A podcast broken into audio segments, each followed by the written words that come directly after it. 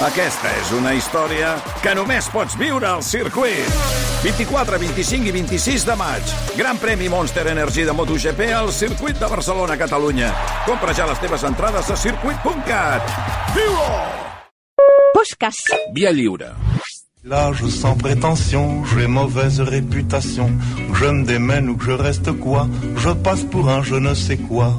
Je ne fais pourtant de tort à personne en suivant mon chemin de petit bonhomme. Mais les bras. Hola, Santa Jiménez, bon dia. Hola, bon dia. Què tal, Malcom Otero, com va? Hola, bon dia, bon dia. Què, què, què, què, què fem avui? Estàvem aquí baix tocant el piano. Ah, estàveu tu a la... I quin, quina peça? No, tocàvem el piano. Ah, el tocàvem. L'acariciaves. Deu acariciar los Baker, Quina fusta, los Baker No, Boys. molt bé, molt bé, sí, sí. Heu sí. pujat... Ell, ella pujat- com Michelle Pfeiffer allà. Vale, vale. Sí, Heu pujat sí. al damunt. Tu has pujat, eh, Malcolm? Llavors, al damunt... I no s'ha trencat, eh? No, no, no. No, no, és un piano. Bueno, demanem a la gent, a la amable gent que ens està escoltant i que passi per la Diagonal, que, sisplau, no facin com Malcolm, que no pugin al piano, que no està per això. Atletes bajen del piano. Exacte. atletes. Bé, què fem avui? Ah, Va, què què fem t'ha avui? passat? Va, ell Ah, va. entès. Ah, com si s'hagués picat amb algo. No, no, tu, tu estàs bé? No, sí, bueno, Sí. sí. anem fent. No, no, Dins el que... No, Sí? sí? feliços amb aquest temps, la veritat. Un temps és Sí, que... fantàstic, sí, eh? fantàstic, eh? Sí, sí. Des d'aquí, Ràdio Dublín. Estem... Eh? Bueno, avui portarem un personatge que no sé per què el fem, de veritat. Ah, no? No. Ah. Perquè ja el, No saps tu? ja el tenien com un pringat a la seva època, per tant no feia falta que nosaltres vinguéssim aquí a, a humiliar-lo. Era un pringat, ja? Ja, sí, sí, sí, tothom se'n fotia d'ell, sí, sí. Però ha acabat passant... Imagina't que només el recorden com a defensa lliure. Líbero. Ah, de, de futbol? Sí, clar. Però no era un futbolista. No, no, no era futbolista, no, no. Era un tio que era la grandesa, o sigui, era el Kaiser. Però tu ara li dius a la gent el Kaiser i què pensen? Beckenbauer. Sí, exacte. O en Carmelo, el Kaiser de Bahia, o en Rafa Márquez, el Kaiser de Michoacán. Prou ja de Kaiser, eh? Sí, clar. ja està, eh? El, Ca- to- tots els equips de poble tenen un Kaiser. Piqué és Kaiser, també. Sí, Pickenbauer. Beckenbauer. Clar, clar, i, i tu dius el, el, el Kaiser del Bufalà, el Kaiser Sí. de la Satàlia, el, ca, el Kaiser de la Iberian. O sigui, tothom té un, to, tots els equips de futbol del món Tenen un Kaiser. tenen un Kaiser. Pues, pues resulta que aquest, el que va donar nom a aquest pues, ha passat a la història per això, no? De fet, si no fos per, per Beckenbauer, ningú se'n recordaria d'ell, també t'ho dic, eh? El nostre protagonista d'avui va ser l'asa de tots els cops al principi del segle passat, perquè se'l considerava el gran culpable a la Primera Guerra Mundial. Cosa que, en honor a la veritat, no és ben bé certa, però Ah. és igual, necessitava un idiota que li, a penjar-li el mort, i era aquest. Una cosa és que, però també et dic una cosa, eh? Una cosa és que no tingués la culpa de tot i una altra que no fos raret i gilipolles.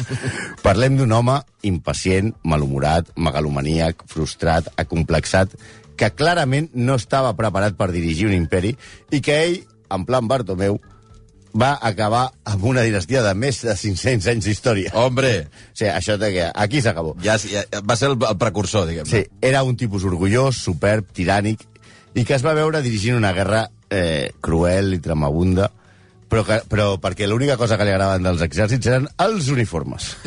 Sí, a ell li agradaven molt els La uniformes. moda, li agradava La moda. La, mo la moda La moda militar. militar, la sí. moda militar. De fet, segons el seu ministre a la guerra, durant la Primera Guerra Mundial, el va definir com un tio incapaç de dirigir a tres soldats amb una cuneta. Que sembla una definició molt cruel. Parlem de Friedrich Wilhelm Victor Albert, conegut a tot el món com Kaiser Guillermo, bueno, tot el, Guillermo no, Kaiser Wilhelm, però a casa tothom li deia Willy.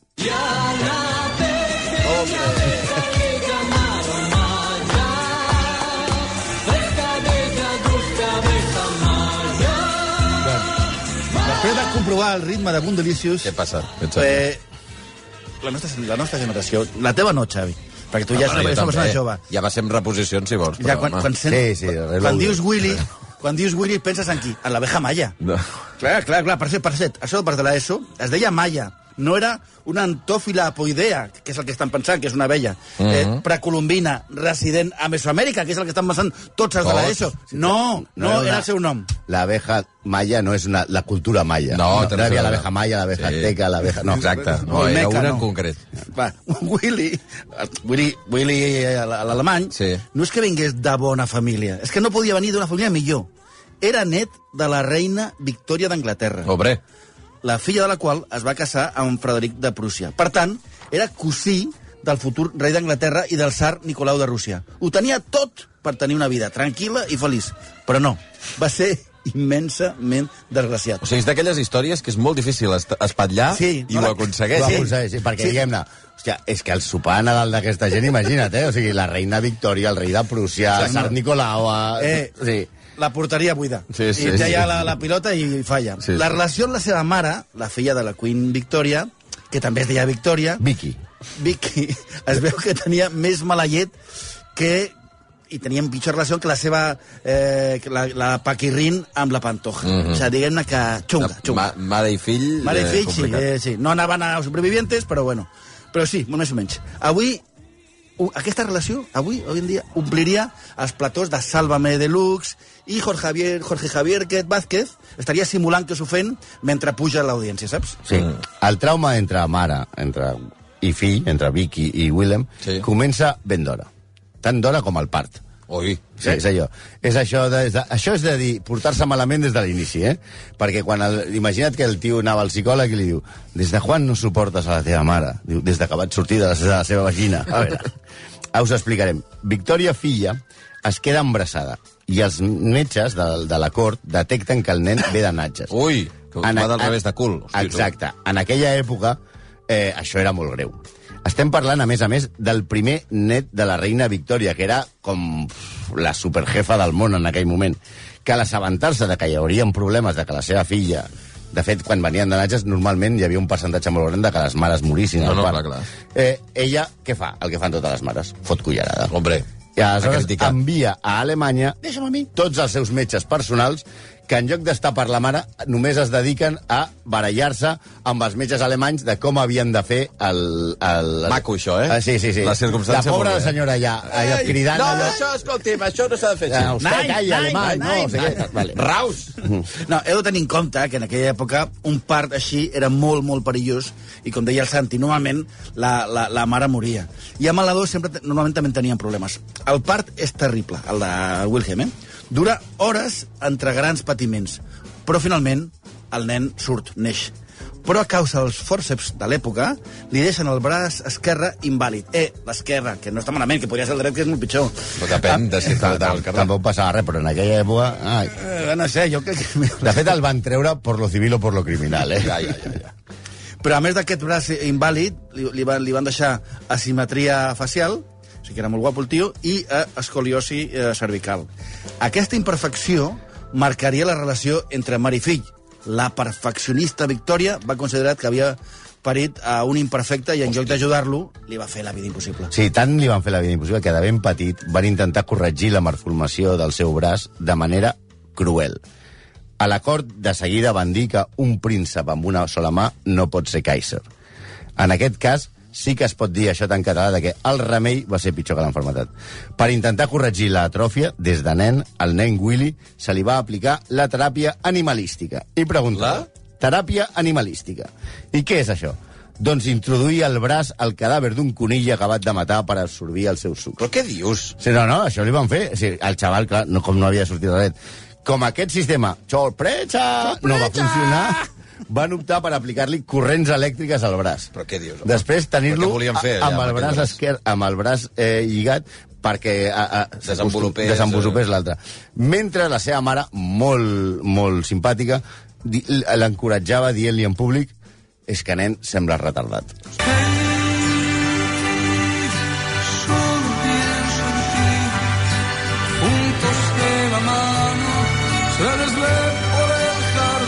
Parlant de Guillem de Prússia, Sí, eh? aquesta cançó és molt trista, eh? Sí, sí. Molt trista. Bueno, durant tota la seva vida, arran d'aquest trauma, Home, és que, perdona, o sigui, el més normal és que aquest noi no girés rodó. No, no, no, sí, no. clar. No. No. Vull dir que va, va desenvolupar un odi visceral a Anglaterra, país al que adorava de nen, alhora que, malaltissament, s'enamorava de la seva mare, Oi, oi. que era més anglesa que Mary Poppins. Oi, oi, oi, oi. Una de les, de les seves frases mítiques, i hi ha moltes com veurem, és la de un metge anglès em va paralitzar el braç i un metge anglès està matant el meu pare. Es referia a que la reina Victòria, quan es va assabentar de que el seu gendre tenia càncer... La reina Victòria estava en tot, eh? Sí, sí, sí. Va Anava enviant, anava enviant gent, eh? Pem, pem, pem. Enviava metges, a Nena, li, tractar-lo! li, li, li va enviar els metges i el tàper. Ara. sense èxit perquè va morir lamentablement. Les seves opinions contra Anglaterra col·lisionaven amb les de la seva mare, que era anglesa, i a la que van arribar a acusar possiblement en raó d'espia. Però això no treia que, en el fons, en un gir de guió que signaria Almodóvar, estava absolutament enamorat d'ella. Sí, sí, de la seva mare. Un pollastre amb el que, diguem-ne, que Freud sucaria un pa de quilo, eh? Mira, no fa massa es van publicar les cartes del Kaiser a la seva mare i que freguen l'erotisme. O sigui, que no són normals, vaja. O sigui, ui, ui, ui. És a dir, bé, perquè us feu una idea, Norman Bates tenia una relació més normal que ell amb la seva mare. Exemple, i cito la carta. Textual, eh? Sí. He somiat, li escriu el Kaiser a la seva mare. He somiat altre cop amb tu, que estàvem sols a la biblioteca, quan vas extendre els teus braços, em vas estirar i et vas treure els guants, la mare, que tenia una mala hòstia de collons, devia portar guants de boxa, i vas posar les teves mans sobre els meus llavis per besar-les. Tant de bo fessis el mateix quan sigui tu a so amb tu a soles a Berlín mentre es fa de nit. Noi, això no és normal. Tens un problemeta, eh? Oh. Les respostes de la seva mare a aquestes cartes de Vicky Rottenmeier, en lloc de dir-li, nen, eh, Calla. calla, el seu fill eren demolidores. En lloc de respondre a dir-li, pues, hòstia, nen, això no toca, o jo també t'estimo, eh, ja menges i abriga't que la nit refresca, Sí, sí, sí. li retornava les cartes la mateixa, corregir-li les faltes de, i les errades gramaticals. Si no li dius res del contingut, però mira, això està mal escrit. Diu, això està no mal pots posar així. Sí, sí, les seves obsessions eh, amoroses eren descomunal. De jove, a més, a més d'estar enamorat de la seva mare, a la que al mateix temps odiava, es va enamorar d'un es va enamorar d'un adolescent que era la seva cosina, Isabel de Hesse, que era la futura gran duquesa de Rússia, que li va fer un contigo no bicho, però de manual. Finalment, es va casar amb una noble de tercera divisió, diguem-ne el Moscardó, que es deia Augusta Victoria de Schleswig-Holstein, que sempre li va estar eternament agraïda per fer-la embradriu, i a la inversa, ell li va agrair que es casés amb un discapacitat com ell. Però ara això ens podria portar a que li tenim una mica de pena, però la veritat, aquest tio era un cretí amb balconades i vidreres al carrer, eh? Mireu. Macho te has pasado, pues tomar lo que quieras, ¿Qué has pasado? Macho pasado, pues tomar lo que quieras, que pesado. Era el metepatas cunyau que sempre s'ha passat a, la, a, la, a les cançons d'aquesta. Mira, és que per molts traumes infantils, discapacitats i mandangues, el Willy era un cabró megalòman que es creia el rei del mambo i que va acumular una col·lecció de ficades de pota legendàries, que a la llarga van provocar tants incidents internacionals que fins per això li diuen que va ser el, el que va provocar la Primera Guerra Mundial. Mira, us farem un breu resum, molt breu, molt breu. La seva primera estracanada va ser el que és conegut en l'època com el telegrama Kruger, en el qual va felicitar el president Boer, Paul Kruger, per haver derrotat dels britànics amb una batalla. Home, sent net de la reina Victòria i cosí del príncep de Gales, doncs diguem-ne que no quedava massa No bé. va ser el més encertat. No, és com si Sergio Ramos felicités el Barça allò per Twitter després del 0-4. Sí, sí. Sí, sí. A, a la rebel·lió dels Boxer a Xina va fer una arenga als soldats que partien cap a, cap a Xina molt mesurades. Deia, us heu de comportar com els suns de Tila. Heu d'aconseguir que la paraula alemany sigui recordada a Xina durant mil anys, de manera que cap xinès torni a mirar malament a un alemany. Aquesta màquina de donar titulars va tenir el seu dia de glòria quan va concedir el 1908 una entrevista al Daily Telegra- Telegraph, que després es va conèixer com The Daily Telegraph Affair. Sí, la valia pardíssima, Per aquella què? entrevista. O sigui, era una... O sigui, Una saps màquina Eto, de- Saps Eto a Vilafranca? Sí, sí, sí, pues, sí. Més o menys va ser això. Sí, sí. Allà va, va posar a caure d'un burro als anglesos, es va cagar en el, en la rei, en el rei d'Anglaterra, va dir que els anglesos odiaven els alemanys, va dir que ell... O sigui, era, és una animalada brutal. Tant, és, tant va ser tan brutal la rajada que el seu canceller, que ell havia, eh, que ell havia fet fora Bismarck i aleshores va fitxar el seu propi Bismarck, que era el príncep von Bülow, que després va muntar una, una web per desmentir notícies falses. No. D'aquí ve això de les fake news. El von Bülow. Va, I també va venir a l'acudit aquell de dije Bülow, hijo, dije Bülow. Prou. Va, aquest va dir que ja no l'aguantava més i va dimitir. De fet, les crítiques internes des d'Alemanya a les seves declaracions van fer-lo gairebé abdicar. I el Kaiser va caure, com no estava molt, molt rodó, va caure amb una depressió, però de fet és que només s'havia mostrat en públic com l'estúpid que era en privat. Sí, perquè el que va passar és que gràcies a aquesta entrevista el món va descobrir el que el, que el seu cercle més íntim ja coneixia, que era un tipus que estava perdent un partit que, quan estava perdent un partit de tennis, trencava la raqueta. Sí, Rotllo l'australià aquest Kyrgios, aquest que, saps, que, que, molt violent, que era un obsessiu que anotava amb una llibreta a quin carrer havia vist un paper al terra, quan anava en la seva carrossa, o que feia parar el carruatge perquè no li agradava com estava la roba estesa a un balcó. I la feia canviar. Sí, o sigui, una mica expròpiese, eh? I més, un dia va sentir un sec que tocava un violí demanant al món al carrer, no? Va fer parar la seva comitiva i li va fotre una bronca al sec. És una infàmia que desfaci una obra mestra. Li va prendre el violí i va començar a tocar ell, oblidant que només li funcionava un braç, saps? Clar, és difícil tocar violí només amb una mà. I mentre tothom aguantava una mica el riure, el sec li va dir, ara, torna mal, que ell i jo ens anem, entenem millor, el violí i jo. Sí, a més a més, era un rajador en privat. Se'n fotia de tot... Una mica el- Flo- Florentino Pérez. Sí, una mica A tots jo. els sopars, vinga. Tolili, era, era Sí, jo. sí. Este, a va, mi, però clar, eh. en el cas d'aquest, totes les famílies reals eren família seva. Ah, clar. És a dir, a, a, a, a Víctor Manuel d'Itàlia l'anomenava el, el enano, enano ese. El seu cosí, el Nicolau, Sar de totes les russes, deia que era brètol, pluricó i només apte per conrear naps. A Ferran de Bulgària, que tenia un gran nas, l'anomenava el narigut i va fer córrer la brama que, a més a més, era hermafrodita. A més, també va tenir altres idees genials, com la de fundar una nova Alemanya a l'Amazones, on si no, millor. Vull dir, no se li va ocorrir Mallorca, com els altres, que, com ara, si tenies Mallorca més a prop. També convertir Mesopotàmia en colònia germànica, i tot això ho feia amb uns grans memoràndums que es passava la nit escrivint, canviava els seus ministres, però que mai es portaven a terme. Sí, aquest pobre inútil, la veritat, que es creia ser l'emperador d'Alemanya i Prússia i només servia per vestir-se com els clics de fa mòbil i que la guerra, pensava que la guerra mai arribaria perquè obro cita, home, tots som família i això ho arreglem al sopar de Nadal. Això és literal, eh? Això va- és literal. Això és No. literal. No pot haver-hi una guerra... eh, Però això- bueno, Això és el que pensava, eh, de si tots Bueno, som sí, família, no total. arribarem mai a la guerra. Total. No, no es va enterar de res i així va anar. Willy era un militar de postureig. De l'exèrcit només li agradaven els uniformes, com deia abans el Santi. Tenia 150 i es posava un cada dia. Ah, mira. Ai, avui em posaré el blau cel. Tots estaven fets a mida per dissimular la seva minusvalia a la mà esquerra, no?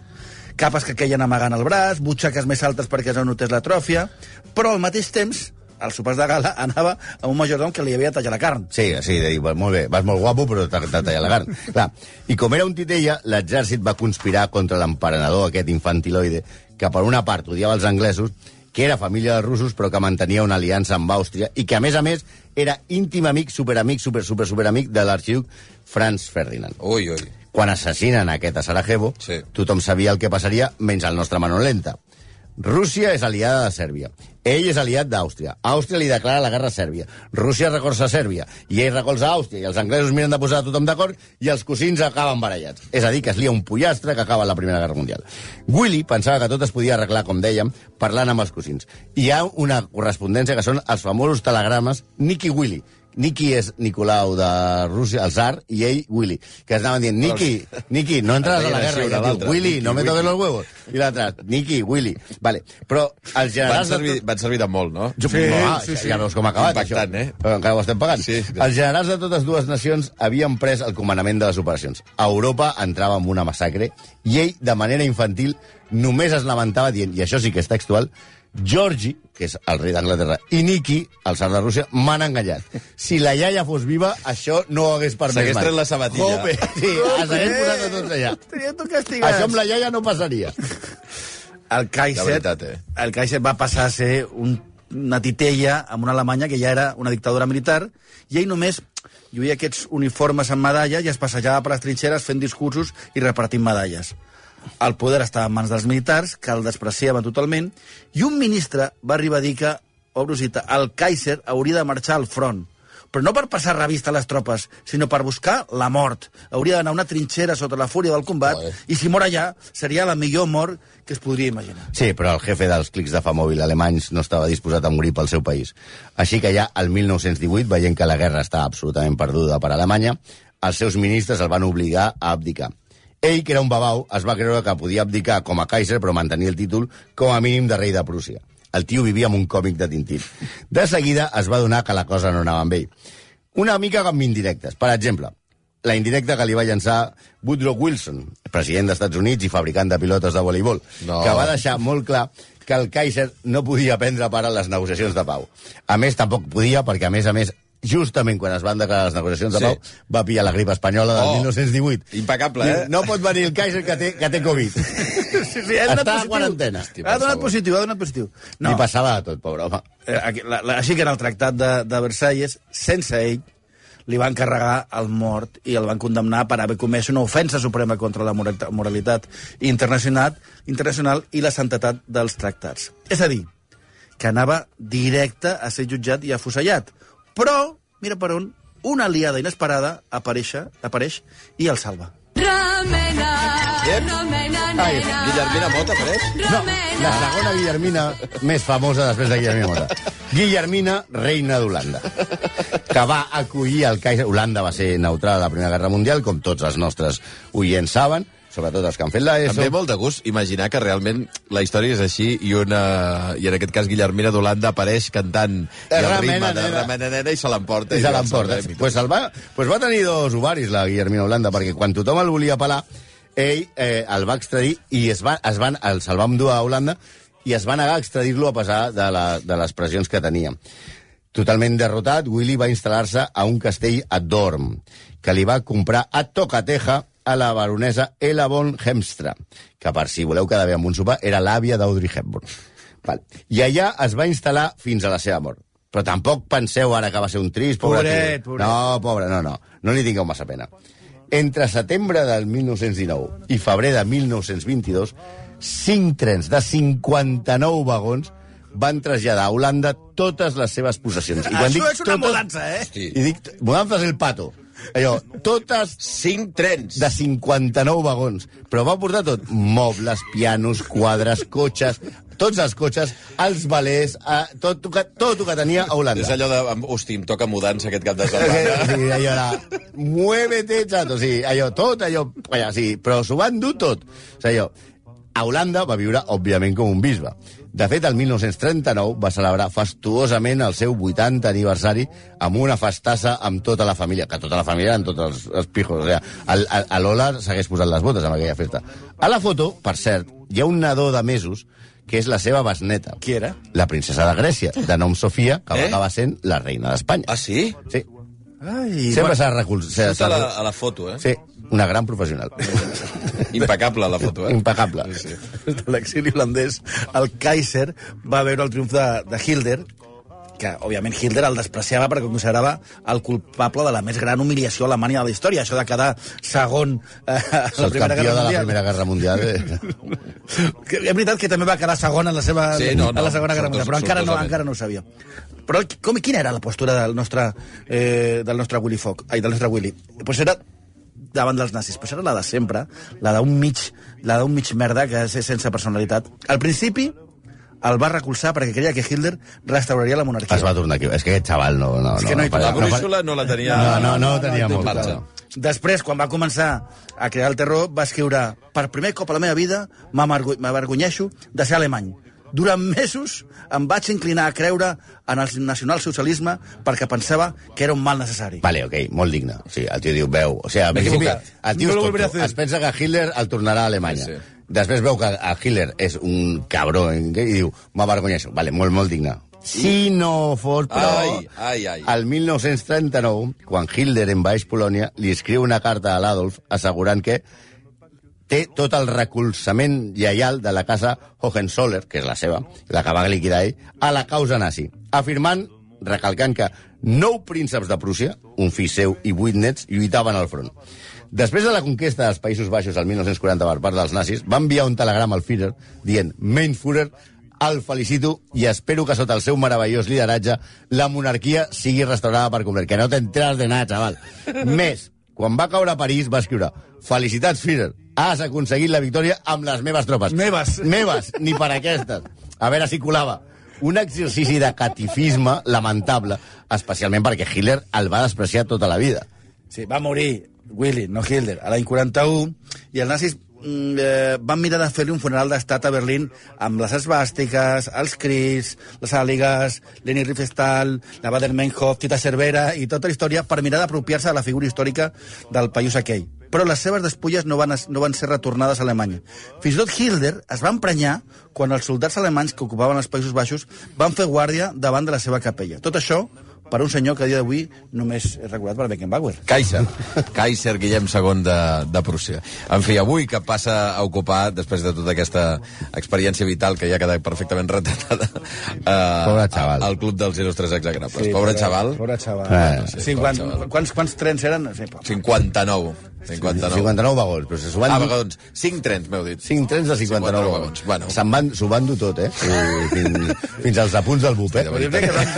Aquells que tens allà amagats, en aquell calaix, doncs això. Execrables, apa, que vagi molt bé, eh? Gràcies. Gràcies. Tout le monde viendra me voir pendu, sauf les aveugles, bien entendu. 11 i 6.